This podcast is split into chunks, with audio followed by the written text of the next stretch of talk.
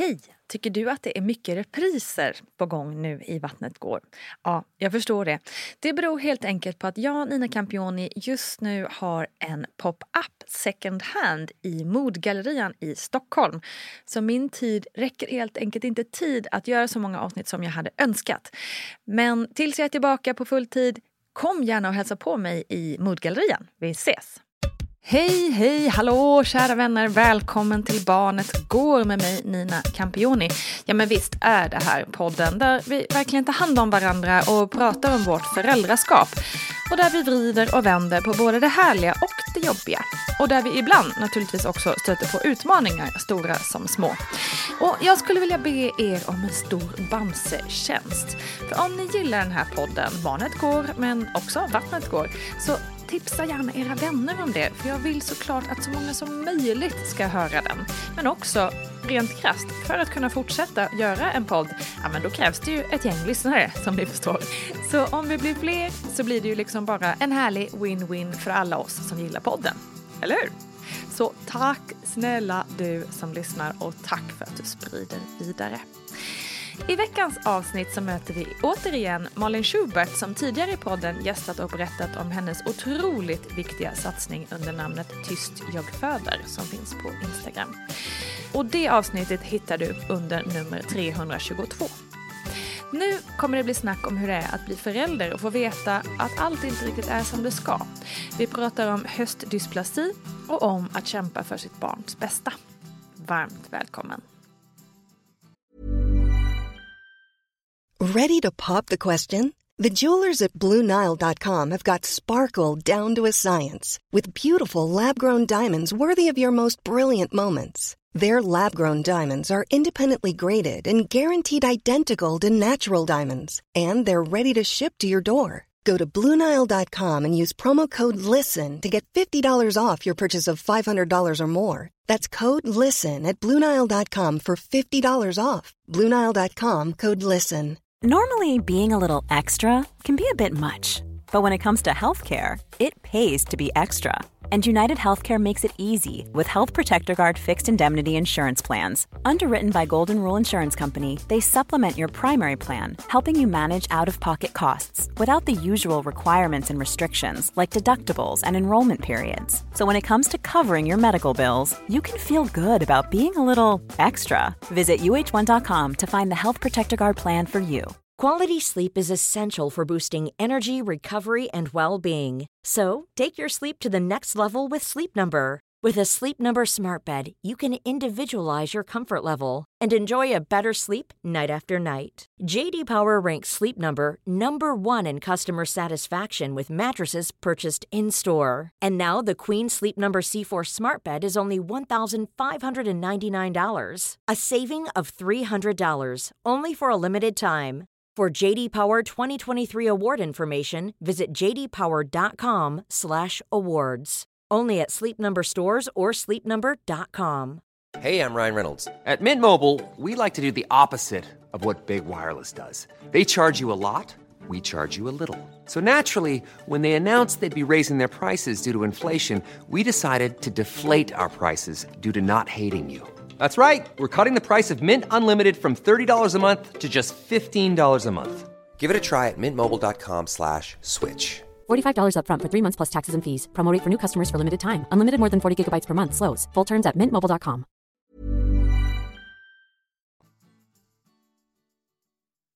Okej, höftdysplasi eller höftledsluxation kan man också kalla det för. Vad är det, Malin, som ni har råkat ut för i er familj?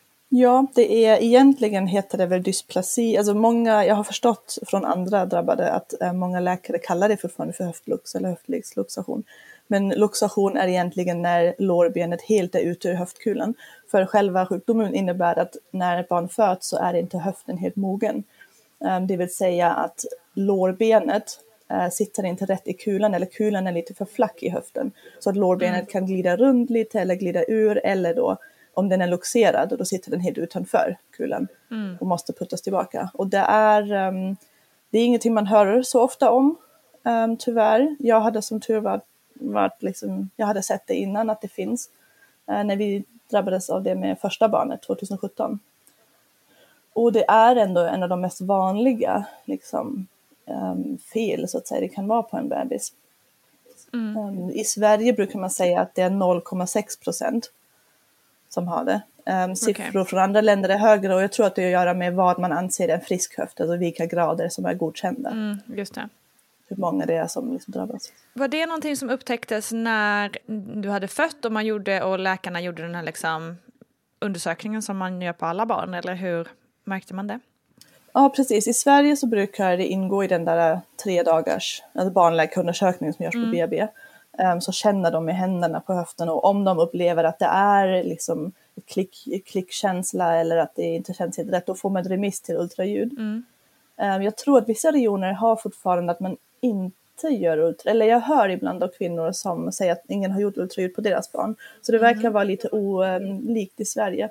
Men mm. i Tyskland till exempel så gör man hos alla ett ultraljud på alla barn vid um, två, tre månader istället mm, för att okay. dubbelkolla att man inte har missat något. Aha, okay. Så det är lite olika. Men i Sverige får då alltså liksom alla kollas manuellt, mm. alla bebisar. Och för er del så märkte man det då att det var något som kändes annorlunda eller? Ja, och det var så eh, synd på något sätt för att läkaren sa att hon eh, var lite osäker. Hon sa men det känns kanske som att det är något i höger höft. Ja, jag vet inte, jag skickade remiss för säkerhets skull. Mm. Um, så vi trodde väl inte riktigt att vi kände mest att en till tid man ska passa och ja, gå dit och sen ska man ja. bara få det överstökat. Ja. Så vi blev ändå um, väldigt chockade när det visade sig att vår dotter hade på vänster sida uh, en väldigt, väldigt dålig höft till och med. Um, mm. så, och som sagt, trots att jag ändå visste vad det, vad det var och hade sett bebisar med det, eller en bebis med det innan så blev jag helt, helt förstörd. Mm. Och bara hulkgrät liksom och det var fruktansvärt. Men det förstår man ju, alltså när man precis har fått det där lilla, lilla ytterpyttelilla som man liksom ska skydda av all sin kraft. Um, och då är mm. någonting som händer med hen. Det ju, måste ju vara en hel eh, liksom, fruktansvärd upplevelse. Ja, det var verkligen, och jag, upplever, jag upplevde och jag, jag har liksom, alltså, vi har varit igenom det då 2017. Uh, eh, och sen har jag direkt gått med i en Facebookgrupp på svenska, en Facebookgrupp på tyska och liksom är med kvar i de grupperna. Och det är ju, alltså alla som börjar skriva där är ju sådär, åh, bra att jag hittade den här gruppen, jag har gråtit hela dagen, jag har gråtit mm. två dagar i sträck, liksom. Mm. Skönt att, alltså det är så, jag upplever att jag bemöttes lite med förvåning över att jag satt och hulkgrät. Um, jag var sådär, ja men nu från så här brukarperspektiv så tycker jag liksom alla kvinnor som ändå um, pratar om det säger att de är otroligt ledsna. Sen kanske vissa är bättre på att dölja det just där och då, det vet jag inte. Mm. Men jag var fruktansvärt påverkad. Och det, vi hade ju lite tur ändå att det var på den här vanliga ultraljuds, vi, två, alltså vi fick remiss och sen var hon två veckor när vi gjorde ultraljud. Mm. Eh, vissa får ju skenan redan vid några dagars gammal bebis mm. och det måste ju vara totalt fruktansvärt. Då har man inte ens lärt känna ja, men, den från nej, liksom. Precis. Men jag kan bara känna, jag minns själv så väl när eh, vi skulle gå på hörselundersökning första gången med, med, min dotter som då var, ja men då, då är hon ju bara några dagar gammal.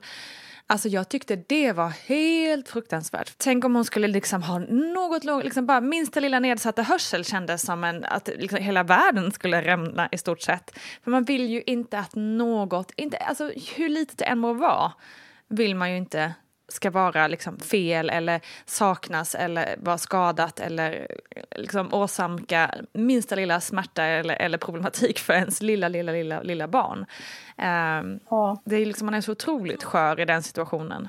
Ja, och jag, alltså precis, dels är man ju, du var ju mitt i uppe i hormonomställningen. Mm. Uh, men även liksom flera veckor efter så är man ju, man är trött, man är helt överväldigad, man är helt man är ju som du säger väldigt hudlös mm. i sitt liksom, psykiska tillstånd. Mm. Um, och jag kände ju också, um, det var jättemånga känslor som kom. Jag hade ju, nu ska jag vara helt ärlig här i den här podden, men jag hade ju en liten, jag märkte att jag hade en liten känsla av att så här vill jag inte ha dig. Mm. Um, och samtidigt förstås direkt skuldkänslor och känslor mm. att men det förstås vill jag ha dig som du är och så vidare. Men det mm. var den där lilla, lilla, det här, det här vill jag inte, det här har jag inte räknat med. Um, och det var väldigt svårt och då hade jag liksom tur att jag har så bra liksom, vänner och familj som jag kunde lyfta det med. Och jag var ju, mm. sa att det här är det jag känner. Mm. Och då var det min, min um, en person som är psykolog som sa att um, om en anknytning byggs upp då under ett och ett halvt år och det är inte, för jag var också himla rädd för anknytning. var sådär, om hon nu måste, vi har ju försökt sådär, mm, att hon inte ska gråta direkt, alltså hela tiden på kroppen, amning på minsta lilla, um, bära i, i mm. trikåsjal och så, så ska hon plötsligt gråta en massa för att hon är har ont eller är ledsen eller mm. är liksom mm. chockad eller vad det Det måste vi vara fruktansvärt också mm. att få den påsatt. Alltså, så här måste man säga, de, de flesta bebisar tar det väldigt, väldigt snabbt. De flesta bebisar vänjer sig supersnabbt mm. och det är mest, det känns som att en vuxna har fler problem med den bebisen men um, hon har ju gråtit betydligt mer mm. det dygnet liksom. Um, och då, då var jag liksom bara hela min bild, alltså jag var så himla ledsen. Och sen förstås samtidigt jättestora skuldkänslor då för att alltså, att jag inte får ha så stora känslor för en så liten grej. För jag vet ju att många har höftproblem, det är nästan 99 eh, jättehög procent blir bra mm. med en relativt enkel behandling. Mm. Jag visste ju allt det här, jag mm. tänkte men tänk om någon skulle ha, jag, jag tror att det var ungefär då Jimmy Kimmel hade fått sitt barn och hade liksom gått ut med att det är hjärtfel. Jag var sådär, tänk om man får ge reda på att barnet har hjärtfel. Ja, Um, då kan man vara ledsen. Jo, precis.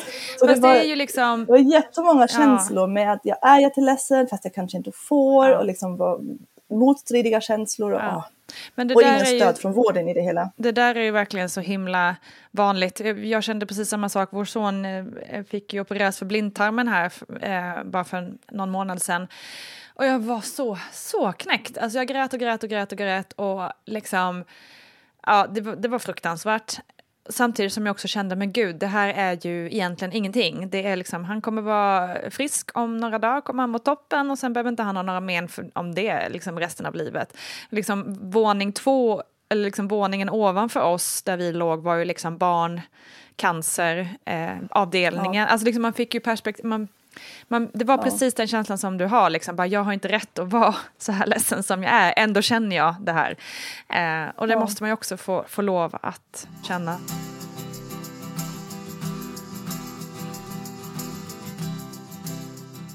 Men du, om vi går tillbaka nu då till, ni, ni, fått, ni fick den här diagnosen, vad händer då? Ja, alltså dels så, um, jag kommer lite tillbaka till att jag tycker att vårdpersonal bör vara lite mer känslig för det psykiska. För vi kom in, vi gjorde ultraljud, fick sitta i väntrum, eh, kom in till läkaren och bebisen var avklädd naken. Hon tittade på den, kände på höfterna, frågade har ni haft problem med familjen? Jag sa sådär, nej, nej. Mm. Och sen vips åkte på en, alltså vips luften upp bebisen, la en skena på, la bebisen på skenan, satte det där gänget runt. Och hon, mm. hon var väldigt tunn och smal och liksom satt med spretade ben och, och, och skrek. Och jag var sådär, va? Och sen mm. sa hon, ja tyvärr så har din dotter liksom dålig höft, bla bla. Och, var sådär, och då var jag ju redan borta vid det. Alltså, jag hade ju verkligen behövt få information i lugn och ro ja. med typ mitt barn vid mitt bröst och sen, och sen vara delaktig i vad som kommer hända nu och hur vi ska gå vidare med det. Så För då, och sen informerar hon, ja och det är dålig höft och det är vänster sida och så nu ska hon ha den här i sex veckor mm. eh, och sen kanske sex veckor till. Ungefär mm. så. Mm. Och jag tror att, eller jag läser också från andra kvinnor att det är ungefär den informationen man får. Um, och sen satt ju vi då och liksom grät och var jättemycket sådär, okej okay, vänta, vänta, vad är det här? Um, vad finns det för alternativ? Liksom, mm. Vi var ju lite besvärliga på det sättet. Att, Men det är ju bra, det ska man Att vilja ha mer information. Ja, och, um, och då ja, åkte vi sen hem med den här skenan. Och också det, så gick vi ut ur läkarens eh, sådär, mottagningsrum. Och så var det någon sköterska som hjälpte oss med sådana, hur ska man ens få in bebisen i babyskyddet? Mm. Det, det får inte plats längre. Och så la hon jättemånga av de där vik, um, uppsygnings, de här som är på skötbordsunderlägg under mm. och fipplade. Och sen typ satt jag och stod och ville, hon grät ju också. Mm. Så jag ville amma och så var jag, men hur, hur gör jag med den här? För de ligger mm. i sådär grodställning. Och skenan som används i Sverige heter von Rosenskenan. Den går, det är kors i ryggen och sen går den över axlarna och runt benen för att hålla upp benen i grodställning. För det man vill göra när en höft åker ur i höftkulan är att liksom det flektera och abducera benet. Alltså göra sådär, böja knäna och ta upp benen ja, jag kan det, man får googla en bild helt enkelt. Ja, ja precis. Um, men fattar ungefär tror jag. Och då är det så, hur ska man, hur ska man amma, hur ska man hålla, ja, allt är liksom helt, ja. helt fruktansvärt. Vi hade ju som tur, bara en sån grej, vi hade som tur var sådär ullkläder som är väldigt stretchiga, annars hade vi inte ens fått, fått på de kläderna vi hade med oss. Nej. Alltså ens det, liksom, att man inte får så du ska på ultraljud, ja, de flesta är bra, om du behöver skena ta med typ någon stor pyjamas. Lite förberedelse alltså, liksom. liksom. lite förberedelse. Um, och så liksom satt vi där och åkte hem med det här babyskyddet och sen började vi googla förstås. Uh, och för vad ska man göra om man inte får information? Då googlar man ju. Ja. Uh, och jag hittade ganska snabbt den här tyska gruppen då. Eller svenska gruppen tror jag, nej tyska gruppen. Um, och läste lite och så läste vi hela den dagen i princip. Och så ringde vi nästa morgon och sa, ja men vi har sett att i Tyskland så behandlar man med en helt annan skena som ser mycket barnvänligare ut. Eller ja, i Tyskland använder man något som heter Tübingen ortos.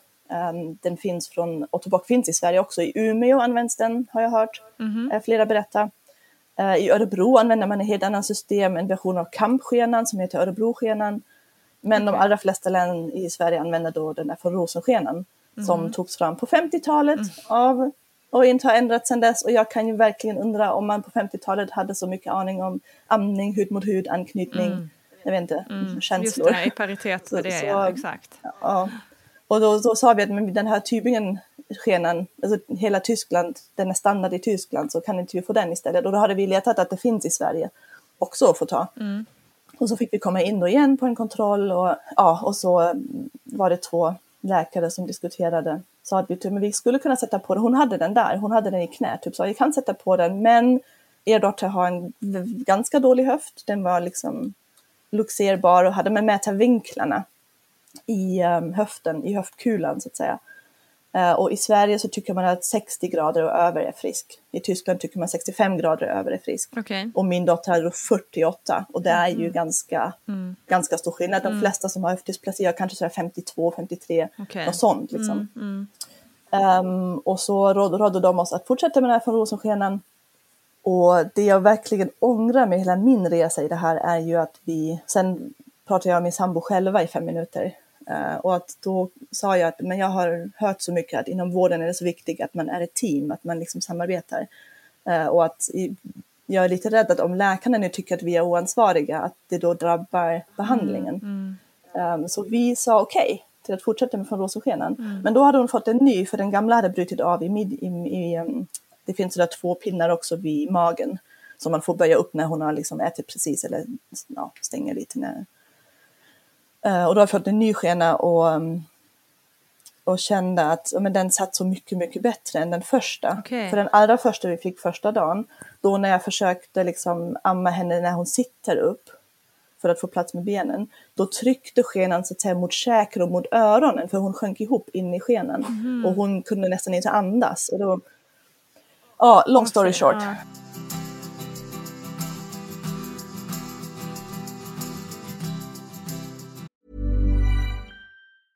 Normally, being a little extra can be a bit much, but when it comes to healthcare, it pays to be extra. And United Healthcare makes it easy with Health Protector Guard fixed indemnity insurance plans. Underwritten by Golden Rule Insurance Company, they supplement your primary plan, helping you manage out of pocket costs without the usual requirements and restrictions like deductibles and enrollment periods. So when it comes to covering your medical bills, you can feel good about being a little extra. Visit uh1.com to find the Health Protector Guard plan for you. Ryan Reynolds here from Mint Mobile. With the price of just about everything going up during inflation, we thought we'd bring our prices down. So to help us, we brought in a reverse auctioneer, which is apparently a thing. Mint Mobile unlimited premium wireless. Ready to get 30, 30, bit to get 30, bit to get 20, 20, 20, bit to get 20, 20, bit to get 15, 15, 15, 15 just 15 bucks a month. So, Give it a try at mintmobile.com slash switch. $45 upfront for three months plus taxes and fees. Promo rate for new customers for limited time. Unlimited more than 40 gigabytes per month. Slows. Full terms at mintmobile.com. A lot can happen in the next three years. Like a chatbot may be your new best friend. But what won't change? Needing health insurance. United Healthcare Tri Term Medical Plans are available for these changing times. Underwritten by Golden Rule Insurance Company, they offer budget friendly, flexible coverage for people who are in between jobs or missed open enrollment. The plans last nearly three years in some states, with access to a nationwide network of doctors and hospitals. So, for whatever tomorrow brings, United Healthcare Tri Term Medical Plans may be for you. Learn more at uh1.com. Quality sleep is essential for boosting energy, recovery, and well being. So, take your sleep to the next level with Sleep Number. With a Sleep Number smart bed, you can individualize your comfort level and enjoy a better sleep night after night. JD Power ranks Sleep Number number one in customer satisfaction with mattresses purchased in store. And now the Queen Sleep Number C4 smart bed is only $1,599, a saving of $300, only for a limited time. For JD Power 2023 award information, visit jdpower.com/awards. Only at Sleep Number stores or sleepnumber.com. Hey, I'm Ryan Reynolds. At Mint Mobile, we like to do the opposite of what Big Wireless does. They charge you a lot, we charge you a little. So naturally, when they announced they'd be raising their prices due to inflation, we decided to deflate our prices due to not hating you. That's right. We're cutting the price of Mint Unlimited from $30 a month to just $15 a month. Give it a try at mintmobile.com slash switch. $45 upfront for three months plus taxes and fees. Promo rate for new customers for limited time. Unlimited more than 40 gigabytes per month. Slows. Full terms at mintmobile.com. I alla fall så valde vi att fortsätta med Från Rosenskenan. Uh, nu i efterhand när jag tittar på foton och så, så tycker jag att den inte har varit så bra inställd. Hon kunde röra vänsterbenet alldeles för mycket. Och då tre veckor senare fick vi ju beskedet att höften har blivit sämre. Uh, och jag skyller det på att, att, um, att den, den skenan inte satt så bra. Att vi, vi såg det typ, men vi var så himla nöjda med att den ändå satt på plats och inte störde lika mycket som den första. Eh, att vi, eh, vi rörde inte skenan, vi gjorde ingenting och vi åkte liksom inte in för en till kontroll. Och det som händer då om höften är väldigt dåliga från början eller blir sämre, då räcker det inte ens den här skenan utan det måste vara ännu mer fixering och då får man gipsa Okej. hela höften. Med liksom en lucka för rumpan och, och snippanstoppen. Åh, fy. Eh, som man kan stoppa i lite. Ja. Eh, och det hade jag då vid det laget för, också hört och läst och sett bilder och sånt, Mm. eh, som tur är. Ehm, och var förstås väldigt, och då hade jag, det är också en grej att då fick vi information, det ska bli gips nästa vecka. Men de sa inte att barnet behöver sövas för det. Mhm. Det visste jag för att jag hade läst av andra kvinnor Mm. att det innebär sövning. Och det var, ju, det var ju på riktigt det värsta jag någonsin varit med om i mitt liv. Att söva en sex veckors bebis. fy. Och sen söva henne igen vid 11 veckor för att de behöver ofta ha två gipsar. Men de växer så fort så de behöver byta Ja, ut. just det. Um, och jag minns att jag liksom, när vi var där på sjukhuset, precis jag kom in på det hela för att du sa man eh, barncanceravdelning, då ligger man bredvid barncanceravdelningen. Mm. Um, och jag, när vi var där, var väntade på operation eh, med en fastande bebis som inte fick amma. Um, så liksom jag tog ju avsked för säkerhets skull Mm. från henne. Det var jätte, det var jätte, jättetufft. Mm. Um, men själva gipset tyckte vi var tusen gånger bättre än skenan för, för oss. Eh, vi var väldigt nöjda. Det är förstås jättefruktansvärt att man, alltså en gips är ju absolut mycket, mycket mer jobb och man måste hålla barnet alltid under gipsen, man måste blöjbyten blir jättekomplicerade och mycket blir svårare. Men för oss så var gipset så mycket skönare för man hade i alla fall överkroppen. man just kunde det. smeka liksom lilla magen, lilla ryggen. Hon kunde vrida sin överkropp så jag kunde ligga-amma igen. För den här från Rosenskenan gjorde ju världens... För vi hade ganska tuff amningsstart med min första. Hon tog inte bra grepp och ja, men det var jättesvårt. Och sen hade vi precis fått, fått ordning på amningen så får hon skena och allt liksom bara försvinner. Um, så jag sov ju aldrig i mitt liv har sovit så lite som när hon hade skena för då var jag tvungen att sitta upp och amma Okej. om nätterna. Um, men med gipset så kunde hon röra överkroppen, hon kunde vända huvudet, hon kunde liksom, ja, men liggamma igen och det kändes på något sätt, alltså att ha en halv kropp i alla fall, kändes för oss bättre än att ha det här skenan runt alla lemmar hon har liksom. Just det. Hur länge måste hon ha det här gipset sen då? Och lite äldre barn brukar ha den i ungefär sex veckor, men hon var ju så liten så hon växte så snabbt så det var fyra veckor och sen var den för trång och sen blev det nästa med Okej. narkos och Okej. sövning igen. Och sen åt den i fyra veckor. Och efter det så var det för oss så var det bra. Då var höften, um, jag tror de sa över 70 grader så den var liksom jättebra. Och sen tror jag att vissa regioner gör att man liksom sen bara tar bort det man har. ehm, och vissa liksom vänjer av. Och den vanliga gången i Sverige är att man har från rosenskena och sen frejkabyxa. Och frejkabyxan är någon liksom mjukare grej som man ehm, kan ta av och ha kläder under. För den här från rosenskenan sitter på huden på den nakna bebisen och sen får man ta ett annat ovanpå. Okej. Um, och frejkabyxan är som man tar av den när man byter blöja och sånt. Hjälpte det här eh, gipset? Ja, det hjälpte. Okej, Då blev det bra. då blev det bra. Och, och, och liksom hur... Sen är det ju hur, alltid, jag eh, menar, det är ju att man tar det säkra före det osäkra. Men vad heter det, men vad, vad händer sen liksom när man har haft det och, och man ser att det blir bättre men det är ändå en fortsatt process under en lång tid eller och vet ni fortfarande om har det liksom, nu är hon fyra, hur är hennes läge nu liksom? Ja, precis. Man brukar göra kontroller efter och det skiljer sig också från landsting till landsting hur många kontroller man gör och hur, hur det går. Men man brukar kolla första året någon eller några gånger och sen följer man det en gång om året kanske tills de är, ja, vissa blir friskförklarade när de är två, vissa blir friskförklarade när de är fyra eller fem. Eh, och det beror lite på hur höften är, alltså är det, då gör man ju röntgen. För grejen är att i början när de är små bebisar måste man göra ultraljud. För benen Mm. är inte tillräckligt mineraliserade för att synas på röntgen. Och ultraljud är ju inte så jättenoga tyvärr. Så det är ganska svårt och um, det måste vara en duktig ultraljudsperson um, person att, att hitta rätt bild. Och sen när de är sex månader då är benen tillräckligt eh, mineraliserade att man ser på röntgen och då får man en mer noga bild också hur det egentligen är.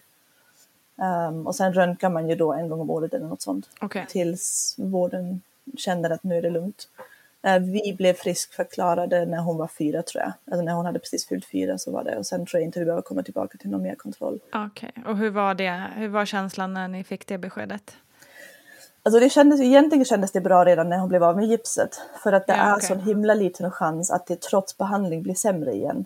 Eh, Det kan hända men det är väldigt liten chans. Mm. Eh, Det finns ju ibland barn där det missas helt och hållet, som när de är ett och börjar gå, där man märker att men det är något fel på höften och sen får de besked. Mm. Eh, Men att man har behandlat och har följt ett barn och sen missar, eller sen blir det sämre. Det är också ju mer benen blir hårdare och mineraliseras, desto mindre blir risken att det, att det, att det blir dåligt igen. För jag menar Ja, okej. en höftkula som är rund och sen blir ganska hård, ja, men, den förblir ju rund oftast. Så egentligen var det redan när gipset togs av och hon ju, det kollades att det var en Jag ganska fattar. skön känsla av att Ja, det förstår jag. Sen hade vi den här tybingenskenan då i fyra veckor till bara för säkerhets skull och jag måste säga att liksom när vi kom in för den kontrollen så var jag ju jättenervös, det är klart. Mm. Um, och sådär, hoppas att det inte har blivit sämre. Ehm, men då, ja, det kändes ganska bra. Jag fattar det.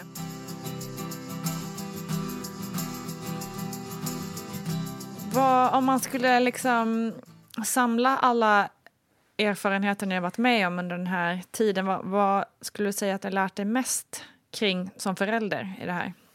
Alltså jag lärde mig ju av andra föräldrar i Facebookgrupper. Ehm, det var det enda stödet som fanns med allt som hur gör man med amning, hur gör man med babyskydd, hur gör ni med vagn, hur, ehm, hur byter ni blöja i gips. Det finns, vi, vi fick ingen information av vården. Ja men typ någon som försökte hjälpa till lite grann med amning men det var ju en person som inte var amningskunnig å andra sidan. Och sen när vi gick till amningsmottagningen så var ju inte hon skenkunnig. Nej. Så det blev ju, det blev ju liksom trial and error Ja. själv hela tiden. Ja, Ehm, frustrerande. och, ja, och jag, jag tycker till exempel att jag läser i de här grupperna att liksom en hel del kvinnor ändå överger amningen. Och säger att men vi kunde inte amma, vi fick det i flaska. Mm. Och jag vill bara peppa alla att alltså det ska inte vara så. Du har ju ett helt barn och alla barns behov måste ses, tillgodoses. Det är klart att höften måste bli bra, Mm. men det kan inte gå ut över något annat. Så att om skenan gör att du inte kan amma, men då får du antingen be om en annan slags skena, för uppenbarligen så är det inte så där hugget i sten att hela världen gör likadant. Ehm, eller be om en annan, en annan inställning på skenan, eller be om, alltså jag tycker man ska inte liksom man ska inte låta barn drabbas bara för att en kroppsdel behöver behandlas. Det var ju också så himla sjukt att när, när hon satte på skenan och vi gick ut ur typ läkarens första, allra första rum, då sa hon typ, eh, typ ni kan eh, ah, vad var det, använda babypuder tror jag för skav. Om hon blöder får ni komma tillbaka. Oh, fy. Alltså det var så att den här skenan för att den sitter på huden Ja. orsakar ju ska, Ja, skav. exakt. Och jag menar, min färska älskade två Mm. veckors bebis, att höra att om skavet blir så hemskt att det blöder, då får Mm. ni komma tillbaka. Och sådär, nej, hon ska ju inte fan ha någon skav. Nej, men exakt, ska ju inte behöva ont alls liksom. Nej. Nej. Och så gjorde vi ju så um, att vi sen ja, men hittade på nätet hur andra gjorde, att de fipplade under blöjan, att de dra trä igenom och, Just och dra det, och så att rumpan är lite skyddad. under eller något. Ja. Och sen kom vi på hur man kunde helt utan att böja på skenan liksom fippla under någon tröja eller någon body. Så vårt barn hade inget skav alls. Mm. Och sen tog vi sådana gasetuber över alla skendelar som man kunde komma åt. Ehm, så hon hade inget skav alls. Ehm, men de flesta barn får ju det för att man Mm. inte får någon information av vården. Och jag tycker också så himla nu, nu får du klippa bort det om, om du vill, men eh, jag tycker det är så himla synd att inte vården är mer intresserad av att lära sig att samarbeta.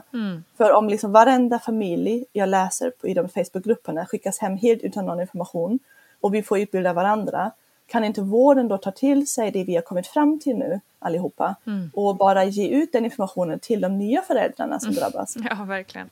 Eh, Vi drabbas ju till och med av att eh, läkaren, ehm, alltså i vårt, vårt specifika fall så var det vidträde i underkläder och så utan att vi hade inte böjd på den här skenan alls för att jag sa ju att den allra första satt så dåligt att hon inte kunde andas. Ehm, Så vi var så glada när den andra satt bättre så vi, vi fipplade under och höll på och hittade något sätt. Vi var också föräldralediga båda två ganska länge så det var jätteskönt. Um, och sen läste jag typ när hon hade redan fått sitt andra gips, ungefär sju, åtta veckor senare, läste jag i journalen att hon skrev i journalen att hon tror att vi hade tagit av skenan. Hon tvekar på compliance. Oj. Och det betyder att compliance är ju hur föräldrarna då genomför vårdbehandlingen. För att, och liksom typ citat, det finns inga spår av skenan på barnet. och det var sådär, ja ja. men alltså Fråga, för hon sa sådär, ja men typ ni har ju underkläder, det får man inte. Och då sa vi, jo vi ju underkläder för att hon ska inte få skav. Och så, Mm. ja okej. Men då hade hon ju kunnat säga, det här känns, det här har jag aldrig sett. Liksom. Berätta mer, hur har ni gjort? Precis, Visa exakt. mig. Var intresserad av, Ehm. eh, av hur ni har löst det liksom. Och då hade hon kanske också kunnat antingen säga till oss, men det här är jättefarligt det ni gjorde för att det och det och det. Eller kunnat då ta med sig det, att men det finns sätt att liksom fippla under om man är lite, om man är lite pillig lagt, liksom, så att barnet inte får blodiga skavsår. Och att liksom skriva det bakom vår rygg i journalen. Alltså när jag läste det så fick jag verkligen en slag i magen. Jag, För då hade ju alla, då hade hon varit sövd två gånger, varit liksom inlagt på sjukhus.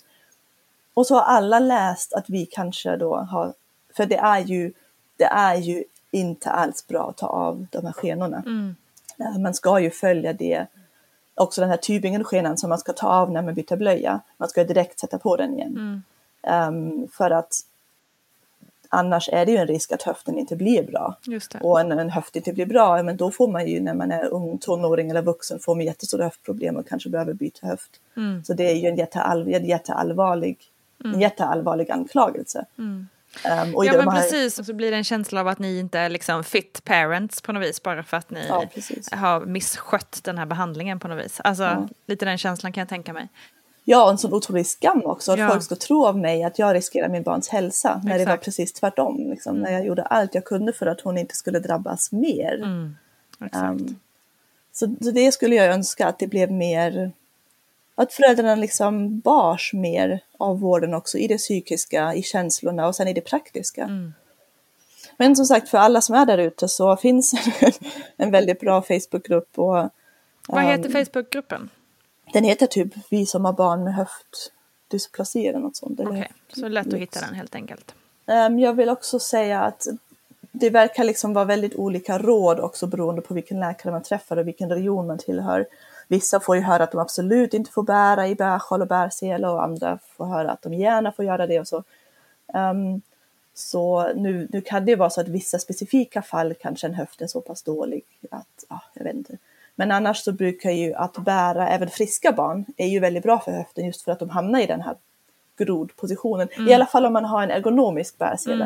Eh, Eller liksom kan knyta sjal på rätt sätt. Ehm, så jag vet inte, jag, jag...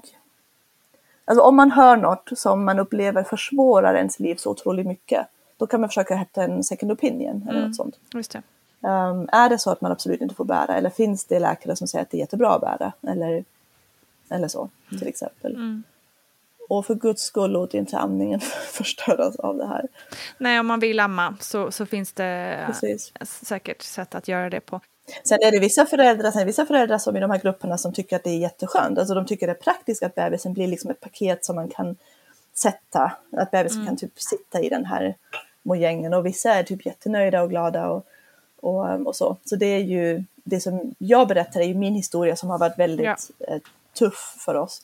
En sak som jag också väldigt mycket ångrar är att eh, vi slutade ju med hud mot hud i och med att hon fick skenan. För att det blev, dels blev det väldigt obekvämt men också att ja, men de här kläderna och allt var så himla jobbigt.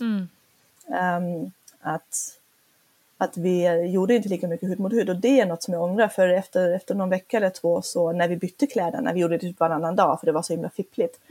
Um, när jag såg henne då naken, då blev jag så himla... Alltså jag tror att se sitt nakna barn gör ju något med oss, um, liksom känslomässigt. Jag märkte också med andra barn att liksom när han väl, när man får se huden, då händer det något med en känslor. Så det är också något som jag vill liksom uppmana att ändå fortsätta med det ni gör, trots att ni har fått en skena. Mm. Fortsätta behandla bebisen precis som den ska liksom. Mm. Du nämnde olika lä läkare eller religion. Vad spelar religion in menar du? Nej, region. Region? Jag bara, vad menar hon? ja, det låter mer vettigt. ja, okay. Det verkar vara väldigt stor skillnad beroende på var ja, i men precis, det är det verkligen. Ja, det är, det är också vissa, vissa regioner, då får man åka in och bada, då tar de avskenad och badar mm. en gång i veckan. Mm. I Stockholm får man inte alls det. Um, I vissa regioner så får man typ ett telefonsamtal hem. Sådär. Men nu har det gått sex veckor, ni kan ta avskenan, kom tillbaka om sex månader. Just det. Ja. Uh, I Stockholm görs det liksom, alltså det finns så ja. himla himla stora skillnader. Ja, så är det ju. Otroliga Malin Schubert, hörni, tack för att du ger oss styrka att stå upp för oss själva och våra barn. Så, så viktigt, men det är ju faktiskt inte alltid helt lätt. Stort tack för att just du har lyssnat och gett oss din värdefulla tid. Nu är det tack och adjö för idag hörni, men vi hörs alldeles snart igen. För både Barnet Går och Vattnet Går är alldeles snart tillbaka. Och tills dess så hittar du oss naturligtvis på Instagram och också på mammagruppen på Facebook. Kram och hej!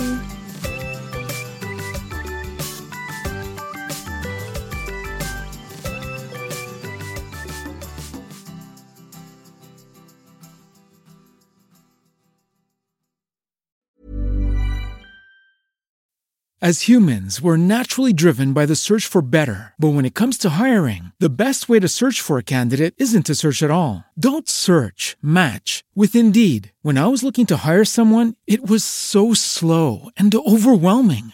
I wish I had used Indeed. If you need to hire, you need Indeed. Indeed is your matching and hiring platform with over 350 million global monthly visitors, according to Indeed data, and a matching engine that helps you find quality candidates fast. Ditch the busy work. Use Indeed for scheduling, screening, and messaging so you can connect with candidates faster. And Indeed doesn't just help you hire faster. 93% of employers agree Indeed delivers the highest quality matches compared to other job sites, according to a recent Indeed survey. And listeners of this show will get a $75 sponsored job credit to get your jobs more visibility at Indeed.com slash podcast. That's Indeed.com slash podcast. Terms and conditions apply. Join us today during the Jeep Celebration event. Right now, get 20% below MSRP for an average of 15178 under MSRP on the purchase of a 2023 Jeep Grand Cherokee Overland 4xE or Summit 4xE. Not compatible with lease offers or with any other consumer incentive offers. 15,178 average based on 20% below average MSRP from all 2023 Grand Cherokee Overland 4xE and Summit 4xE models in dealer stock. Residency restrictions apply. Take retail delivery from dealer stock by 4 1. Jeep is a registered trademark.